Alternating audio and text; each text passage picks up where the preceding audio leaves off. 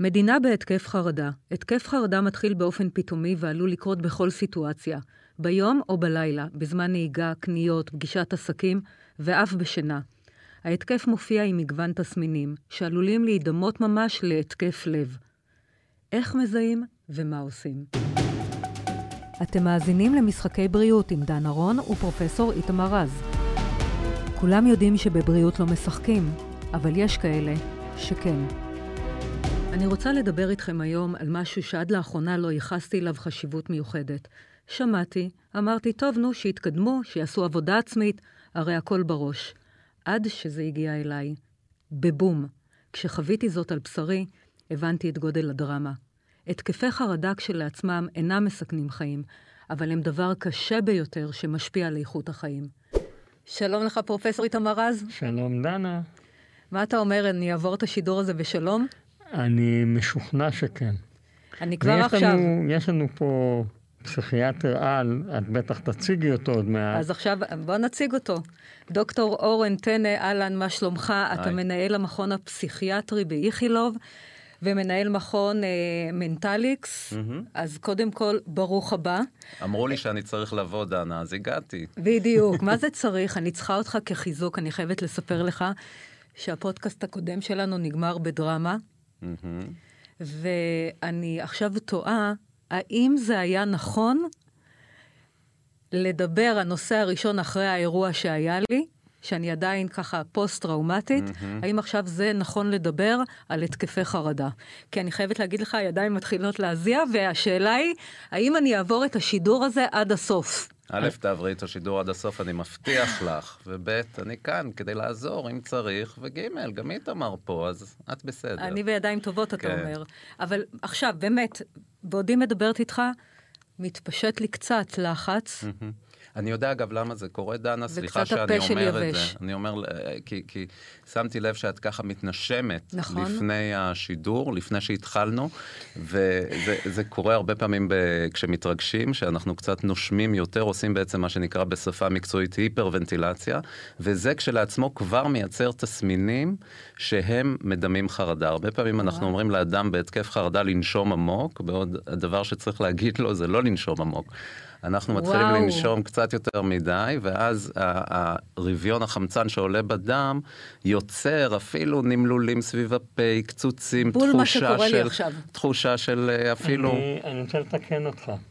כשאתה נושם מהר, הבעיה העיקרית היא שהדו תחמוצת הפחמן נכון, יורד מאוד. נכון. כתוצאה מזה יש שקיעה של קלציום. וכתוצאה מזה יש את הנימולים ולפעמים אפילו התכווצויות. נכון. ולכן, אם אתה בהתקף של היסטריה ואתה נושם הרבה, שים שקית על הפנים. נכון מאוד, אנחנו... מה עליי לעשות כרגע, חברים? אני כרגע, רוצה החלטה. את רוצה שקית? ניתן לך שקית. לא, לא, לא כרגע אני לא כן. חושב שאת צריכה לנשום לתוך שקית, אני חושב, דנה, שחשוב, תכף נדבר קצת יותר מה זה התקף חרדה, אבל הדבר הראשון שחשוב לעשות, זה להבין מה קורה לך. Okay. אוקיי. להבין, כי הרבה פעמים אומרים לאנשים שיש להם התקף חרדה, שאין להם כלום. ואותי זה מאוד מרגיז, אני מנסה מאוד ללמד את הרופאים אצלנו במיון. מיון איכילוב, מיון טוב, ועדיין באים אליי מטופלים שהשתחררו מהמיון ואומרים, אמרו לי שלא היה לי כלום או שאין לי כלום. זה לא שאין לך כלום, כל מה שאת מרגישה הוא אמיתי. מה שקורה לך בגוף הוא אמיתי, ואת מרגישה את זה כי זה קורה באמת. אבל כמו שאמרת בהתחלה, זה לא מסוכן. ודבר חשוב נוסף, זה גם עובר. זה מה שחשוב לדעת על תסמיני חרדה. חרד... זאת אומרת, אתה בעצם אומר לי, אה, ת, זה אכן קורה לך, אל תתנגדי לזה, mm-hmm. אכן משהו עובר על הגוף שלך, אבל את לא בסכנת חיים. בדיוק. ואז זה כאילו רגע, להשלים אני, את זה. אבל אני רוצה לשאול אותך שאלה. דנה הייתה פה, והיא יצאה מספר פעמים, ובפעם האחרונה היא שכבה על המיטה, היה לה כל הזמן לחץ בחזה. האם זה שאני כרופא אומר לה, דנה, מה שאני מאבחן אצלך קלינית, אה, איננו לחץ בחזה, זה דבר אחד. דבר שני, אמרתי לה... כבר טעית, סליחה, פרופסור, רגע. כי יש לה לחץ בחזה, היא מרגישה לחץ בחזה, רגע. אז אתה לא יכול להגיד לה שאין לה לחץ בחזה. רגע. אה, מה אני... מקורו? זו השאלה. רגע. מקורו אינו קרדיאלי. רגע, אז כמובן זה מה שהתכוונתי, שאין לה בעיה לבבית. אבל חשוב הניסוח, אתה מבין? רגע, זה היה הניסוח, גם אם טעיתי, זה היה הניסוח. אם לא אכפת לכם, אני בולעת חצי כדור. אני לא, אסור לא, להגיד מה, אבל... אה, תבני חצי כדור. ואחרי זה אני רוצה לדבר איתכם על אה, כדורים. כי אוקיי. אותי זה הציל. אבל אני חושב, אני חושב שהבעיה היא הרבה יותר עמוקה. כי גם אם אתה כרופא הטוב ביותר אומר לדנה שאין לה אה, התקף לב, עדיין היא לא משוכנעת שאין לה התקף לב. וכתוצאה מזה, הצעד הבא שעשינו היה לקחת אותה לחדר מיון, לעשות לה את כל הבדיקות הנצרכות. עכשיו, רק שתבין את ההבדל, באמבולנס הם רצו להכניס לה אירועים ולעשות כל מיני דברים, אמרתי אין צורך, כי אני ידעתי שאין לה כלום. לא, אין לה כלום. אין לה כלום. לא, אין לה כלום. זה אין לה כלום. אבל... יש אבל- לה חרדה, יש לה תסמיני חרדה, היא חווה עלייה בלחץ רגע. הדם, עלייה בקצב הלב, היא חווה את הלחץ בחזה. הדברים האלה שהיא חווה הם אמיתיים, זה לא שאין לה כלום, אבל נכון, אנחנו, אנחנו מחונכים ככה, פרופסור, לא, אתה לא, לא, צודק. אנחנו ממש לא מחונכים ככה. יותר מזה, אני מטפל באנשים שיש להם חרדות, ואני למדתי שלא מספיק מה שאני אומר להם, ולא מספיק פסיכיאטר, ולא מספיק פסיכולוג, אלא הם צריכים... אתה צריך להוציא את השורש לגורם החרדה. והרבה פעמים החרדה גורמת לתופעות גופניות, ואתה צריך לשכנע אותם בכל הדרכים האפשריות שאין להם בעיה גופנית. אני אתן לך דוגמה. הייתה לי מטופלת, אני אתן דוגמה אחת, שבאה עם בעלה, לבעלה יש סרטן, מצבו נורא ואיום, אבל היא בחרדה אטומית. למה? היא הלכה לגינקולוג. הגינקולוג אמר שיש לה איזשהו משהו בווגינה, ואני לא רוצה להגיד את השם, והמשהו הזה עלול לגרום לסרטן. מה אני עשיתי? אני הרמתי טלפון לפרופסור אורי אלחלל, כי אני יודע שזה שום דבר, ואמרתי, פרופסור אלחלל, בנוכחותה, יש לה את הבעיה הזאת והזאת. מה אתה אומר על זה? הוא אמר, הדבר הזה אין לו, רמת הסיכון אפסית. עכשיו, הבעיה שהיא ממשיכה בחרדות. עוד ועוד, צריך לעשות את זה פעם אחרי פעם, והיא הולכת לעשרה מומחים, וכל אחד אומר לה דבר אחר. אז הבעיה בחרדה היא אה, מאיפה היא נובעת, מה גורם לה, מה השורש שלה, ואיך אתה יכול להרגיע את הבן אדם, איך אתה יכול להגיע לשורש הבעיה. אני מאוד מאוד מסכים עם מה שאמרת, זה, זה מאוד נכון שמה שמציק לאישה הזו זו החרדה, כנראה החרדה מפני האובדן אולי ש, של בעלה, כי סך הכל זה הסטרסור המיידי, המחלה שלו. אבל זה רק מראה לנו שכשאנחנו מטפלים בחרדה, אנחנו לא צריכים להרגיע את האדם שאין לו כלום, שזה מה שאנחנו מנסים, כן, מחונכים לעשות ומנסים לעשות אינטואיטיבית, כי ההרגעות האלה לא יועילו. אתה צודק, הן לא יועילו. וגם לא יועיל ללכת למיון, כי אתה הולך אז מה למיון, כן רק עושים? שנייה, אתה הולך למיון, ואז במיון אומרים אין התקף לב, נכון? לוקחים טרופונין, עושים אק"ג, אין שינוי, הכל בסדר, אומרים אין לך כלום, לך הביתה, והנה למחרת עוד פעם יש לך את זה, בדיוק מה ואז אתה שקרה לי, חושב... הגעתי לאולפן ברשת, עוד פעם כל לא, הדרמה, השאלה ועוד היא פעם כל אחרת. ה... ואז השאלה היא אולי בכל. זאת עכשיו זה התקף לב. בדיוק. לא, את חשבת שאת אולי בהתקף לב? כשזה קרה? לא, בפעם השנייה לא חשבתי שאני בהתקף לב, אבל אמרתי, משהו חזרה. רע עובר עליי כבר- כי פיזית. כבר למדת, וזה, כן. וזה הדבר הראשון שהתחלתי להגיד, למדת שמה שעובר עלייך הוא חרדה. אז הרבה מאוד מטופלים, יש מטופלים, נכון, אבל זה היא למדה, שמתקשים אבל ללמוד זה היא את זה. למדה כתוצאה מזה שהייתה בחדר מיון. רבים, נכון. רבים המטופלים שחווים התקפי חרדה. אגב, התקפי חרדה, תכף אולי נגיד על זה מילה, זה דבר מאוד שכיח שהרבה מאוד אנשים חווים, גם אנשים ללא הפרעת חרדה, אבל התקפי חרדה, רבים מהאנשים שבהתקף הראשון הדרמטי שהם זוכרים אותו, הם יגיעו למיון. אחרי זה, אם התופעה חוזרת על עצמה, הרבה מאוד אנשים כן לומדים. אה, מתי זה, זה חרדה, ולא תמיד אגב קל לדעת, כי יש אנשים שיש להם גם תחלואה לבבית וגם התקפי בוא- חרדה, בוא אבל ואז אה, אז איתמר, קצת אני קשה רוצה להבדיל. להזכיר לך שכשהיינו באמבולנס, פוניתי אחרי איזה שעתיים בטיפול נמרץ באמבולנס, ואיתמר התלווה אליי בהואיל בטובו, ומאוד שמחתי על זה שיש איתי פרופסור באמבולנס. ואני אמרתי לך, איתמר, אתה אמרת לי, דנה, אין לך כלום, בדקת לי דופק, אמרת לי, תירגעי, את לא בסכנת חיים. אני הרגשתי שאני, ואני אומר, אמרתי לו, תפסתי לך את היד חזק, אמרתי לו, איתמר, אני גומרת, אני, גומר, אני פשוט מתה. זה לא חדר. אתה מרגיש, זאת אומרת, אני ברור, איפשהו ברור. מבינה גם, זאת אומרת, אתה, אתה לא יכולתי לשאת את המחשבה שאתה אומר לי, אין לך כלום, כי אני מתה. כן. אני לא אמרתי אין לך כלום. אני את לא אמרתי, בסכנת חיים. אמרתי, את לא בסכנת חיים. אני, אני, אז מה אני רוצה אז נכון להגיד, כאילו לאמן את המוח? אני רוצה להגיד איזה כאילו, מילה. אני- משהו- אני, אני רוצה להגיד איזה מילה, אז אולי לנסות לענות לזה ברשותך.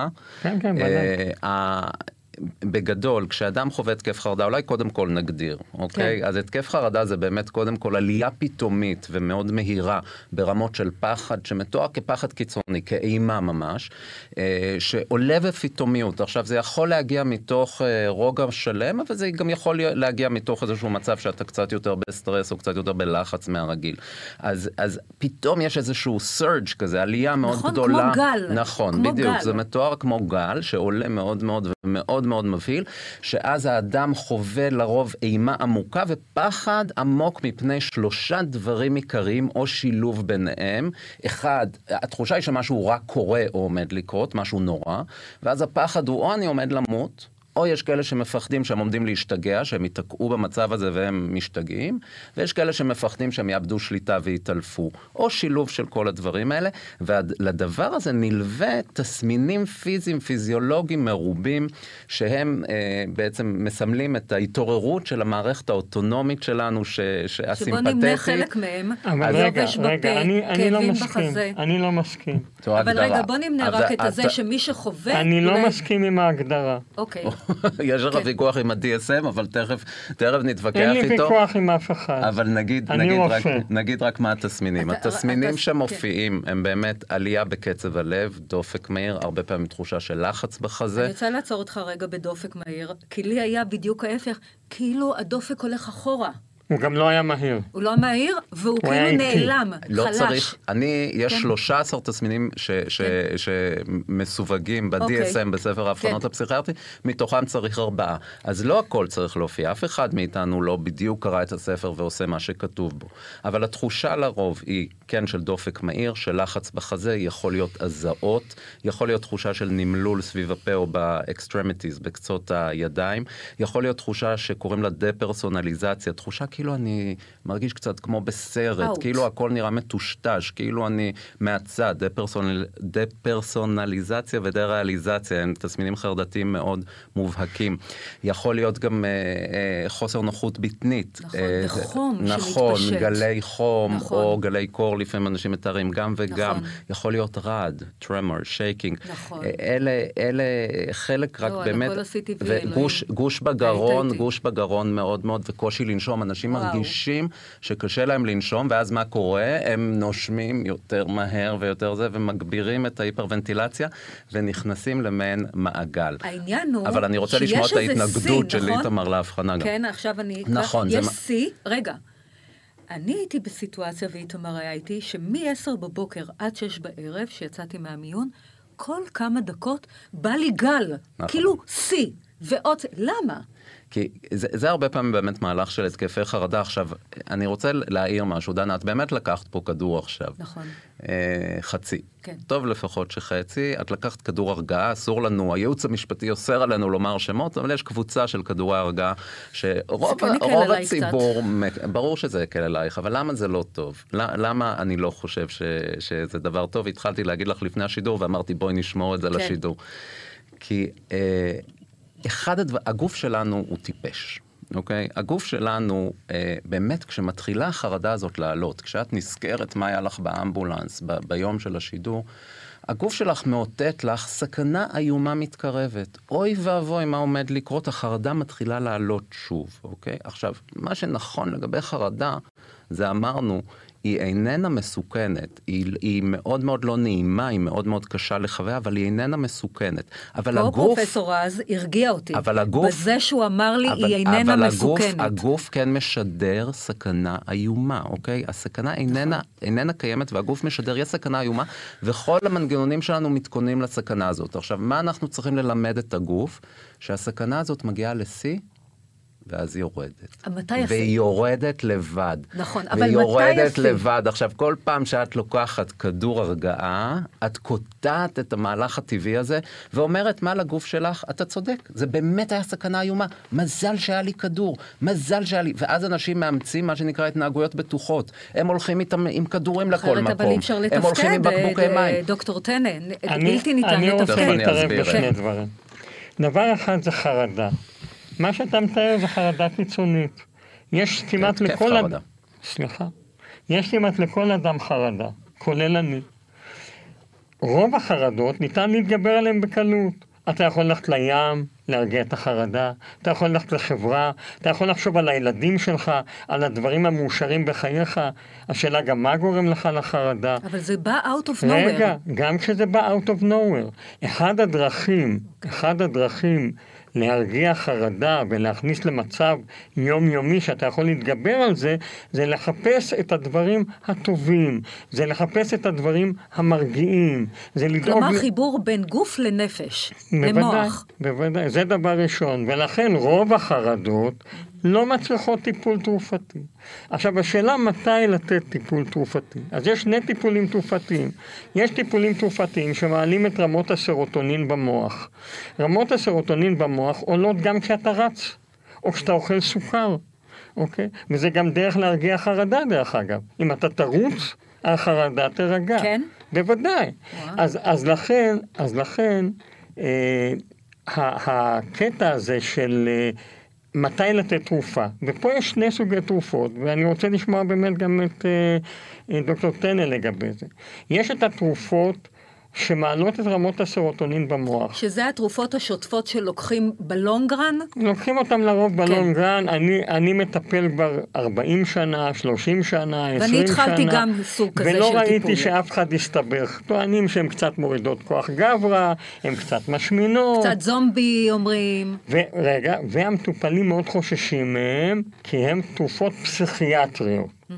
והן לא תרופות פסיכיאטריות. אבל הן קצת מקאות, כי אני אוקיי. התחלתי טיפול. הן קצת מקאות, כאילו אתה יותר ב... חלק מהמטופלים מתארים את החוויה הזו, כן. לא רגע, כולם. לא שנייה, כולם. שנייה, אוקיי. לא, זה נכון שהתרופה הזאת, גם אני לוקח אותה דרך אגב, אה, היא, היא עושה אותי מאוד עם אורך רוח, כן. עם סבלנות לסביבה, עם יכולת הקשבה, אה, הורידה ממני את המעט חרדות שהיו לי, ולא היו לי חרדות שהצריכו שום טיפול מעבר ללכת לים, לרוץ, לעשות דברים מהסוג הזה.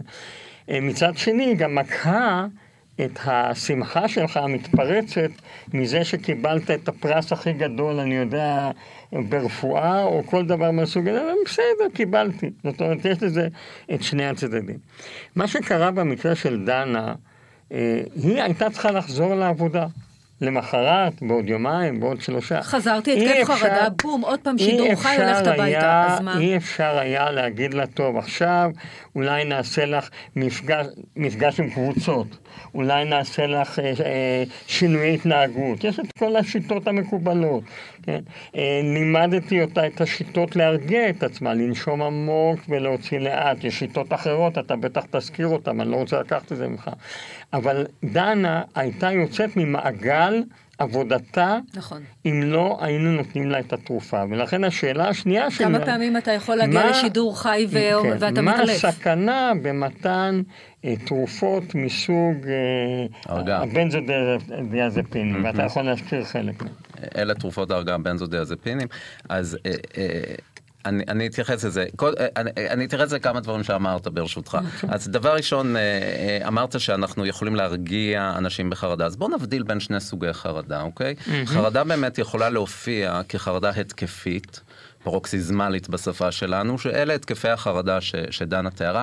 זו חרדה שאי אפשר להרגיע בדרכים שאמרת. אצלי אומרת, מופיעה ככה. רק, רק אני אגיד, להגיד לאדם שהוא בהתקף חרדה, עכשיו בוא תחשוב על הילדים, בוא תחשוב על... זה מאוד מאוד, שוב, whatever works, מה. שעובד, נכון, מה לא שעובד. לאדם, אבל רוב האנשים, כמו שאת אומרת, לא במצב שזה עוזר להם, זה אפילו יכול אה, לעצבן אותם ו- ולהרגיש שהם לא מובנים. אני לא, יודע, אני לא יודע איך אתה אומר רוב, מאיפה אתה יודע רוב? יש הרבה אנשים machine שחיים עם חרדות, אבל רק שנייה, אז תן לי לומר, אה, אוקיי. תן לי רק זה, יש באמת הרבה מאוד אנשים, כולל כמובן כולנו, אולי אנחנו צריכים אפילו לקחת משפט אחד, להעלות שורה אחת ולהגיד שחרדה היא דבר טבעי וטוב, חרדה משמרת היא טוב, אותנו. אבל היא טבעי. היא, היא מאוד טובה חרדה, אם לא היה לנו חרדה היינו אה, נדרסים ברחוב כי לא היינו שמים לב ל, לרכב, אם לא היה חרדה היינו נופלים מהחלון כי היינו מתקרבים אליו יותר מדי, היינו נכווים מהאש. החרדה משמרת אותנו והיא מנגנון טוב.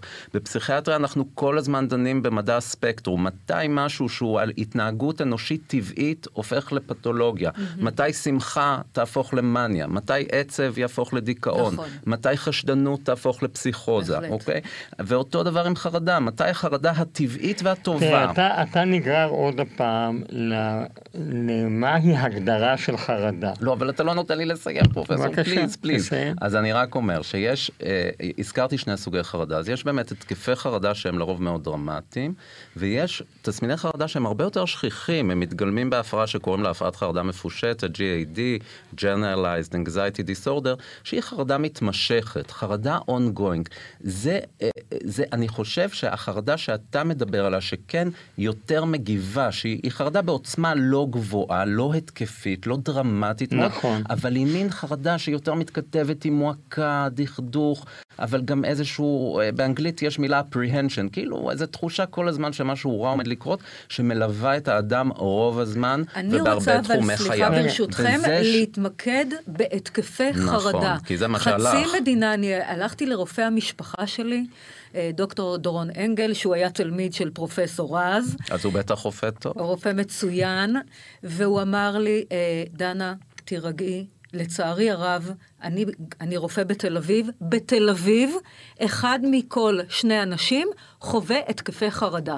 כלומר, היום גם רופאי המשפחה מטפלים בהתקפי חרדה. וטוב מאוד שהם עושים זאת. כן, זה, אנחנו זה לא רק מנסים- פסיכיאטרים. נכון. אגב, אני יכולה באמת לסמוך על רופא משפחה שלי ולא ללכת לפסיכיאטר אחרי אירוע כמו שהיה לי? אני חושב שכן, רופאי משפחה הם בחזית הפסיכיאטריה, ורבים מהם, קודם כל רופא משפחה לרוב, אה, אם לא נוח לו לטפל במשהו, הוא כן יודע להפנות הלאה. אבל אם הוא אומר, אני יכולה לקבל את מאוד דינו. מאוד מש- אה, משמעותי שרופאי משפחה אה, יודעים ו- ו- ובאמת אז מטפלים אני נכון רוצה וטוב. לשאול אותך על משהו, כאילו רגע, להתקדם אבל בשיחה. דנה, מה שאת כן. חווית, זה לא חווים חצי ממדינת ישראל. זה מה שאני רוצה זה להסביר. התקף out of את nowhere חווית קשה ביותר. התקף חרדה קשה. נכון. יש הרבה מאוד אנשים שחווים התקפי חרדה קלים. אה, אצל הרבה אנשים זה קורה פעם בשנה או פעם בשנתיים, או פתאום, הרבה פעמים בלי שום הסבר, לרוב כשמצבך נהדר. נכון. ולא כשאתה... האמת שאני באמת מצבי עכשיו נהדר. נכון, ולא. כשאתה נראית בן... נהדר. תודה רבה, תודה. זה היה שווה הכל, לא משנה מה אמרנו, לא העיקר. הלוק. העיקר הלוק. אבל רגע, אני רוצה רגע להגיד, פרופסור, משהו. רופא המשפחה שלי אמר לי, אה, התחלת את הטיפול בלונגרן, אנחנו אסור להזכיר תרופות, אבל אתה יודע על מה אני מדברת. מהמשפחה של ה-SSRI. מתחיל בצדיק. אתה יודע מה אני מתכוונת? אני לא יודעת, אני לא... כן, כן, אני יודע. זה אוקיי. תרופות מהמשפחה שמעלות סרוטונין, כמו. שהזכיר הפרופסור. כן, ועד שזה יעבוד, אני ממליץ לך לקחת את התרופה. שלקחתי עכשיו, את התרופת הרגעה, כי אה, אה, זה, זה, זה יאזן אותך. אוקיי. ואני רוצה להגיד לך שהשבת הגיעה, ואני החלטתי לעשות, לגמול את עצמי אחרי שבוע של שימוש, ולהגיד, אני בבית, אני יכולה רגע להסתדר בלי. מהמם. כל הגוף כאב לי, ישבתי חולה, בא לי התקף חרדה, לא קשה, אבל הגיע לי התקף חרדה, ואמרתי, אלוהים, אני לא יכולה בלעדי זה. אז זאת זה הסכנה. הציל אתה אותי. שאלת מה הסכנה זה שבטיפול הציל הזו, אותי. זו הסכנה. זה הציל אותי או זה סכנה? הסכנה היא שזה הציל אותך. זו, זה בדיוק, זה שני הדברים נכונים וזו בדיוק הבעיה. אני לא מתווכח, אז מה רק? שנייה, אני לא לא, מתווכח, בוא. יכול להיות שגם אני הייתי נותן לה את אוקיי. תרופת ההרגעה. אני לא מתווכח עם זה שבשימוש SOS, בשימוש חד פעמי, נגיד אני חייב לעלות לחודש? לטיסה, אני חייב לעשות, להעביר עכשיו שידור, אני חייב, יש משהו באמת דחוף שאני כן. צריך לה, להעביר אותו, אז המקום להשתמש בכדורי הרגעה, וגם צדק רופא המשפחה שלך, שלפעמים בתחילת הטיפול בתכשיר ארוך טווח יותר, אנחנו מאפשרים יותר נטילה של התכשיר הזה שמרגיע באותו רגע, כדי להעביר את התקופה עד שהתכשיר הארוך יתחיל להשפיע. אבל זו סכנה. כי למה זו סכנה? כי התכשיר הזה טוב, וככל שהוא יותר טוב, וככל שהוא יותר מציל אותך, יותר קל לשלוח את היד נכון. ולקחת אותו. אז מה הסכנה יותר קל בזה? להסתמך עליו. אז מה אכפת מה, לי? מה, מה כן. הסכנה בזה? מה? שעם הזמן, למרבה הצער, כן. למרבה הצער, לא בכל מקום יש לנו כדורי הרגעה, פתאום את מוגבלת, את לא יכולה ללכת למקום אם אין לך כדורים בכיס. נכון, אתה- או עם הזמן כן, אולי את היא גם צריכה. את כן. צריכה. שתתפתח עמידות, ואת נכון. תצטרכי יותר את מאותו כדור. לא, זה כמעט תמיד. מפתחים עמידות, מתחילים להעלות את מינוני התרופה, ו... ואז אתה נהיה ג'אנקי. ומתמכרים. אני רוצה לתת לך דימוי. אבל רגע, רגע, אני רוצה להגיד מילה. כן. אנחנו בבקשה. עשינו תוכנית שדנה היא בחורה מאוד אינטליגנטית, אישה, לא בחורה, סליחה. למה אני מעדיפה בחורה? בחורה מאוד. אינטליגנטית. אני בחור אז, בסדר? כן. בחורה מאוד אינטליגנטית, והיא ידעה מראש שהשימוש בתרופה, אם היא תמשיך אותו, היא עלולה להתמכר לו והיא עלולה לצרוך יותר ויותר. הבעיה זה לא לסחוב את זה בכיס. אם הבעיה הייתה, לסחוב בכיס, הייתי אומר, תסחבי בכיס, תבואי בגיל 100, נבדוק אותך, אם צריך, נפסיק את זה, אוקיי? הבעיה היא שכנראה התמכרות לכדור הזה זה דבר לא בריא. לא רצוי, ודנה ערה לזה. לא שאנחנו- ולא רצוי, כי אני אעלה במינונים. זו הכוונה? לא, כי זה לא כי רק, חומרים. לא רק, מה- לא, מה רק, עוד? אני רוצה, אני רוצה שניונת להסביר למה כן. אני, אני לא חושב שנכון שהיא תסחוב את הכדור בכיס, כי שוב, אנשים, הדרך הטובה ביותר, שימי לב לשפה העברית, השפה העברית היא, היא חכמה, היא אומרת, היא לא אומרת לבטל חרדה, היא לא אומרת לה, להעלים חרדה, היא אומרת להתמודד עם חרדה. הדרך בסופו של דבר, הטובה ביותר, אני רוצה והנכונה... להתיידד עם זה. לא להתיידד, להתמודד, אבל זה גם אולי קצת להתיידד. בדיוק. הדרך להתמודד עם חרדה זה שוב לתת לה לעלות ולרדת וללמד את הגוף שלך שאת לא צריכה לא כדור הרגעה, לא בקבוק מים, לא להתקשר לאימא, לא? לעשות את כל? ההתנהגויות הבטוחות. את הדבר הזה עושים בטיפול, והרבה פעמים הכדורים, שהוא שילוב תמיד. של טיפול יכול להיות, של טיפול בשיחות, טיפול שמסבירים לך קצת כללי התנהגות, איך גם אה, שינויי התנהגות רצויים, איך את גם עושה אה, באמת טכניקות של הרגעה שהזכרת, מה הטכניקות הנכונות. בעת, בעת התקף? תכף אני אגיד. כן. אני רק רוצה לומר לפני כן מילה על, על ההבדל בין כדורי הרגעה לכדורי זה, אני אתן לכם דימוי. מתי מתחיל לעבוד הכדור הלונגרן? אז לרוב מתחיל לעבוד תוך מספר שבועות, אבל אני רוצה ויש לתת לך מצב דימוי. שהוא לא תני לי- עוזר? תני לי רגע לתת רגע, לך אבל דימוי. שהוא לא עוזר? תמיד יש מצב, אין 100% ברפואה, אבל יגיד לך כן? פרופסור, לרוב עוזר. לא, אני כן. צריכה או להר- לתלות תקווה, נו. להרבה אנשים עוזר, לך אוקיי. יעזור. אז, אז אני, אני רוצה להגיד לך, זה כאילו מבחינתי חרדה, היא כאילו יש איזשהו קצר במוח, וליד הקצר יש פח עם ניירות, אוקיי? עכשיו, מה קורה שיש קצר ולידו פח עם ניירות? הנייר, הניירות בפח נדלקים והאש בוערת, אוקיי? וזאת החרדה, זה התקף החרדה. נכון. ואז מה עושה כדור ההרגעה? הוא בא והוא שופך כוס מים על, על, על הזה. נהדר.